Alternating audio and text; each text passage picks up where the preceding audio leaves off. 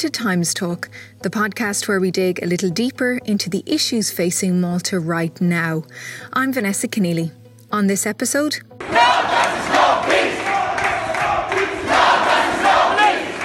We're on the streets of Valletta where rival pro and anti migration groups went face to face intense protests, sparked by the Black Lives Matter movement in the US.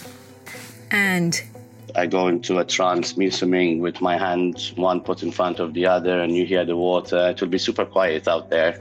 So your hand is going plush, plush. He's already swam around Malta and Gozo, but now Neil Agius is attempting to make the 95 kilometre crossing from Sicily to Sliema.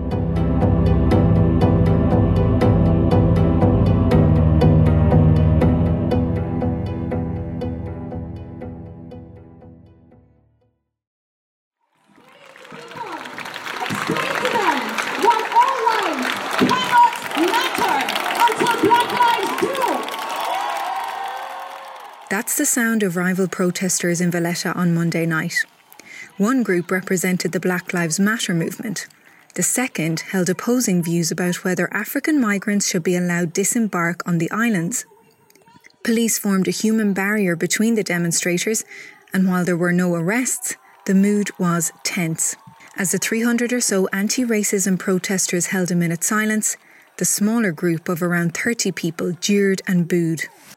I attended the demonstration, and like every conversation about racism, it was complicated. Some among the anti migration protests described themselves as being patriots and against human trafficking, while those trying to highlight racism debated whether the situation is getting better or worse.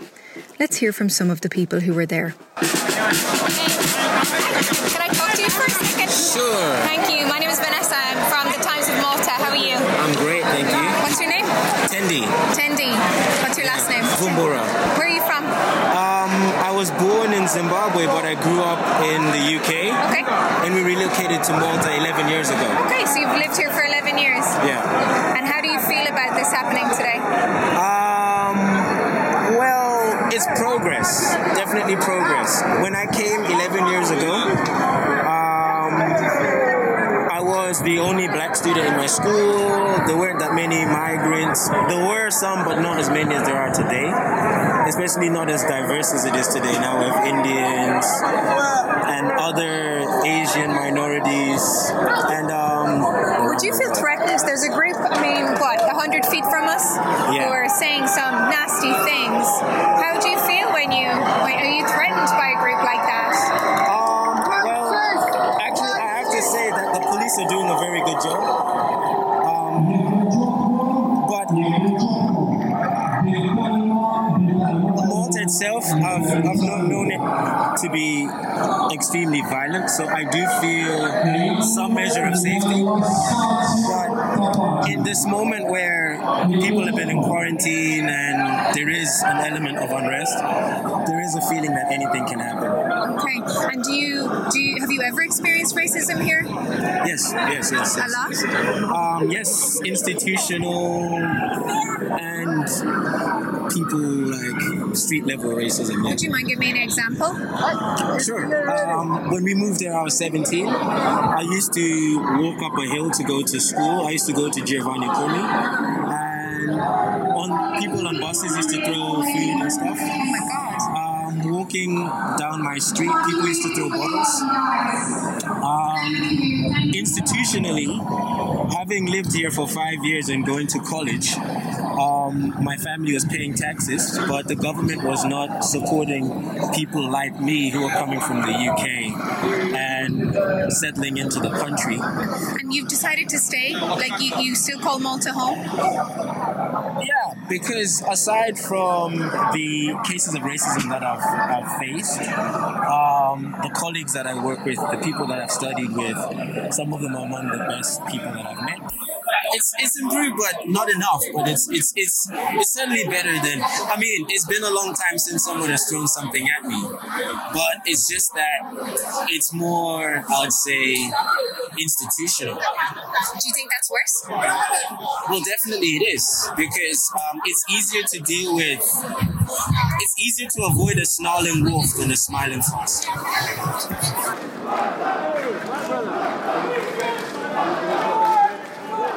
Another person I spoke to was 22 year old Rob Golfio from the Philippines. He lives in Malta and says he and his Asian friends noticed a shift in attitudes around February when cases of the coronavirus began being reported outside China. He was stopped from entering shops without a mask before masks were even a thing.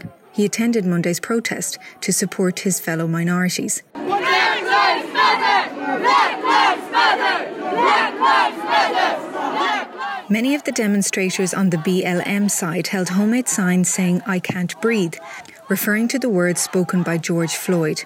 He was killed by police in Minneapolis in May, and his death has ignited rallies around the world. Others wore t shirts with the name and face of Lassana Cisse Souleymane printed on them. He's a man from the Ivory Coast who was murdered in Malta last year in a drive by shooting. Two soldiers have been accused of murdering him, and the investigation is ongoing. Diko Asame is head of the Ivorian community. He's been here since 2005 and was the first person to be called when the shooting happened. Have you been in contact with his family? Yes, of course. For that, I, I have many contact with the family. I tried many times now to, to, get his body now. I get the everything's okay not to send back his body to Ivory because The time we're gonna send the body Corona come to stop everything. That we are waiting after Corona. Now we're gonna send his body. Okay.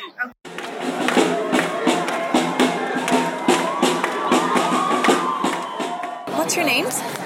Nicole and Mary. Nicole and Baldacchino. Mary. Okay. Baldacchino? Baldacchino. Okay. And where are you from? Nigeria. Okay. You're both Maltese. And I see you're wearing the t-shirts. Why do you feel you should come out and support him? Not only him, but we support our many African friends that we have Okay. Okay. against all kind of discrimination. Yes.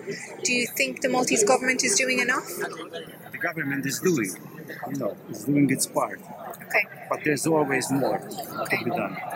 I mean, to change a mentality, it will take it, it will take more effort to change a mentality of acceptance, of solidarity, of living together.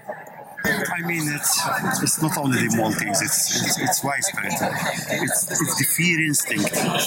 It's based on fear, not on reality. And fear takes over many times in in, in, in, in new situations in, or in different situations. The fear instinct prevails over reality. Uh, there is difference between fear and danger.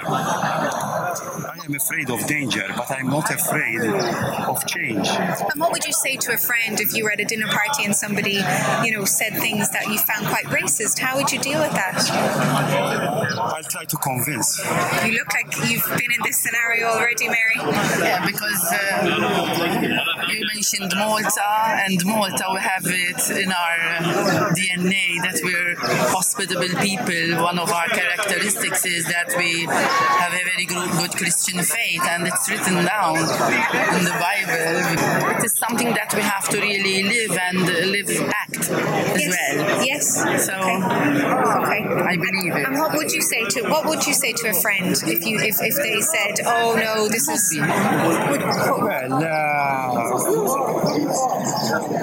try to decipher where the fear is coming from. Yeah, it's, it's, be it's the afraid. afraid of of something which is. Have you have you ever ever been in touch with this? Do you know the situation? What are the facts? I mean, the, the best is to ask, to ask questions. To ask questions.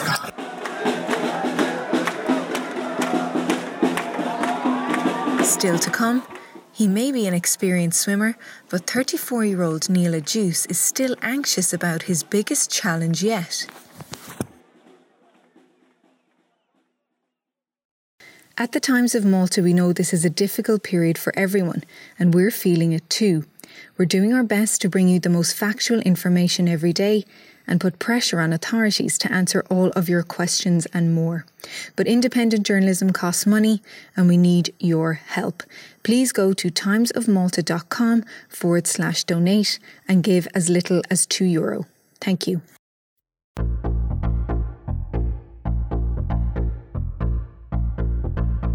In three weeks' time, a 34 year old man from Gharghur will slip into the waters of Sicily and spend around 33 hours swimming to Malta. Neil Agius is completing this mammoth challenge all in the name of Mother Nature as part of the ongoing cleanup campaign known as the Wave of Change. And if you want to donate, we'll add a link in the show notes. Here he is. So, can you just give me a little bit of background about yourself and your swim career to date? So, um, I've always been a swimmer.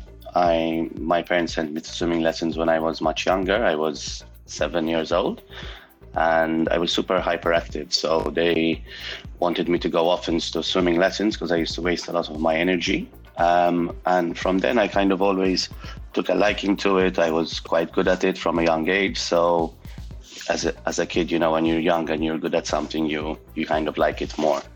As I grew up, um, I ended up joining the national team of Malta, and I represented Malta in the Olympic Games in 2004 in Athens, um, and uh, quite I think four or five world championships it was. Um, not, um, of swimming also, and then after I stopped swimming, I always wanted to to swim around Malta. It was a thing that I wanted to do. When did you do the swim around Malta? In 2018. And how long is that? At 70 kilometers. Okay, and then you did. So when? How long after that did you do the Gozo one? Uh, the year after. Okay, and how long was Gozo? Gozo was 37 kilometers. So although everyone was saying it was a little bit easier, I took it on as a challenge where Malta was swim slow and long for as long as you can, whereas Gozo, being it was half the distance, I was trying to push myself more. So it was equally as tiring, but just in a different way. Malta to Sicily is 95 kilometers. And it's basically that long. It's because I'm going to be going from Pozzallo and swimming all the way down to Sliema Pitch. Okay, sorry. So you're going from Sicily to Malta? Yes, Sicily to Malta. It is. Yeah, I want to finish at home. Okay, and when um, when do you hope to do this? This will be between the 26th and the 29th of June. Of June. Okay, so it's yeah. coming up soon. Yes, there's a three-day window. Um, depending on the weather conditions, we will see which is best day to do it. Three weeks away. Three weeks away. Yeah. So all of the really long swims are done. I had um, 10 hour swims, 12 hour swims, um, training six times a week. So, with the partial lockdown and all these things closed, the training schedule had to change. I was swimming in the sea more than I would have liked to. And so basically, I had to tailor my program and do certain sessions in the sea that I wouldn't normally do. And when you're doing these swims, you're not allowed to touch the boat. You're not allowed to use a wetsuit. So it's goggles, cap, and your support boat, which is next to you, but you're not allowed to touch it. So eh, during a swim like this, every 30 minutes, I would stop for a minute and a half and I would eat and drink. So they would pass me the water, so a bottle of water or or electrolytes or whatever I'd be needing to drink at that time. Um, that'll be tied to a rope. So I grab it, drink it, and leave it there. And then a piece of food, whichever it will be, would be from a Tupperware box stuck to a broomstick. What would you be eating? What, what do you um, eat?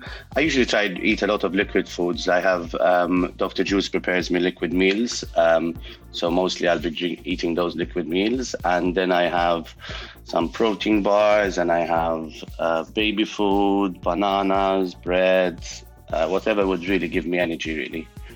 What are the, the challenges? I mean, is it jellyfish? Is it exhaustion? What are the biggest challenges? I, I mean, I always say it's uh, 70% your mindset and 30% is everything else put together. But um, each has each has its own 100%, if you know what I mean. So if I say it's 30% physical, it still reaches that 100% exhaustion out of it, that 30%. Um, but the mindset has a lot more to do with it because you can dig yourself in a hole and you could find yourself very hard to get out of it. When it comes to dealing with the elements, I would say the current and the jellyfish are going to be the biggest problem. What do you think of when you're doing it? Do you listen to music? I mean, can you listen to music or do you just clear your mind or do you break it down or what do you do?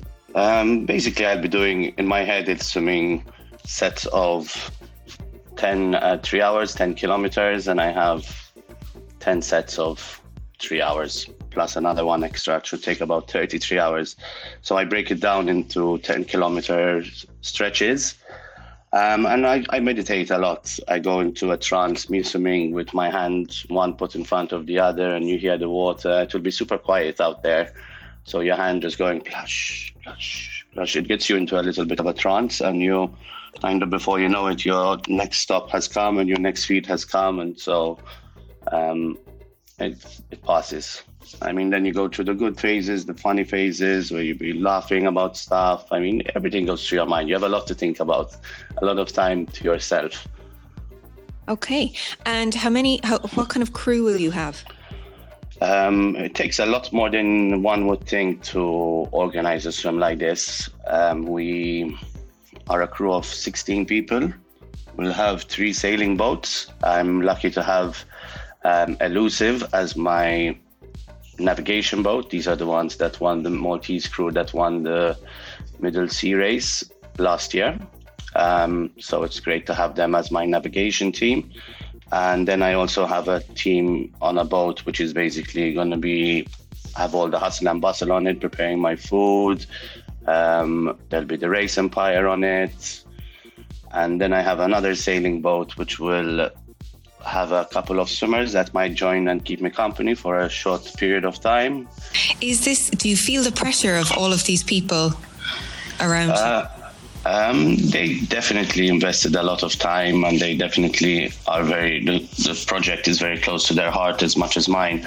But no, I don't feel pressure. I mean, I'm going to be there, I'm going to give it my best shot. Thanks for listening today. Please take the time to rate and review us wherever you get your podcasts. And if there's any topics you'd like us to investigate, feel free to contact us at the email address timestalk at timesofmalta.com. Goodbye.